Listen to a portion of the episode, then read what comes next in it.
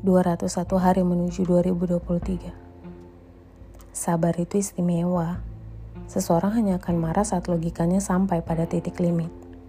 Semakin dapat menguasai marahnya, maka semakin baik pula cara logikanya untuk berpikir.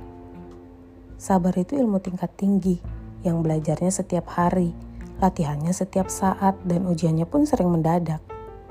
Jika kamu mampu bersabar sebentar pada saat dirimu marah, maka hal itu dapat menghindarkanmu dari ribuan penyesalan di masa yang akan datang. Beberapa orang memilih memendam semua hal hingga dia sendiri lupa dan menjadi pendengar yang baik bagi orang lain. Dia yang dapat bercerita atau mengungkapkan adalah dia yang dapat jujur pada dirinya sendiri tentang hal yang terjadi. Dan dia yang memendam atas semua hal adalah dia yang belajar menjadi kuat dari setiap cerita yang dia dengar.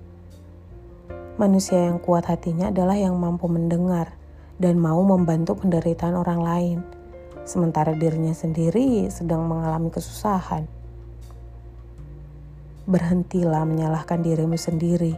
Bila memang mereka pergi karena ada satu dua keburukan dari dirimu, berarti mereka memang tidak baik untukmu. Sebab orang-orang baik akan memperbaiki, bukan meninggalkan. Lagi pula, seberapa berkontribusi mereka dalam hidupmu itu yang perlu dirimu pertanyakan.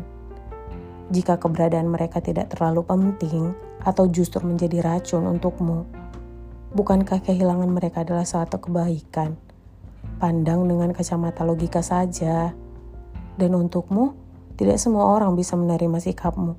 Tidak semua orang bisa menerima cara berpikirmu. Jadi baik-baiklah, ubah apa yang perlu diubah atau setidaknya belajarlah cara beradaptasi. Dalam proses menjadi dewasa, Kehilangan sahabat, teman, cinta adalah suatu hal yang tak terelakkan. Wajar. Nanti juga kamu paham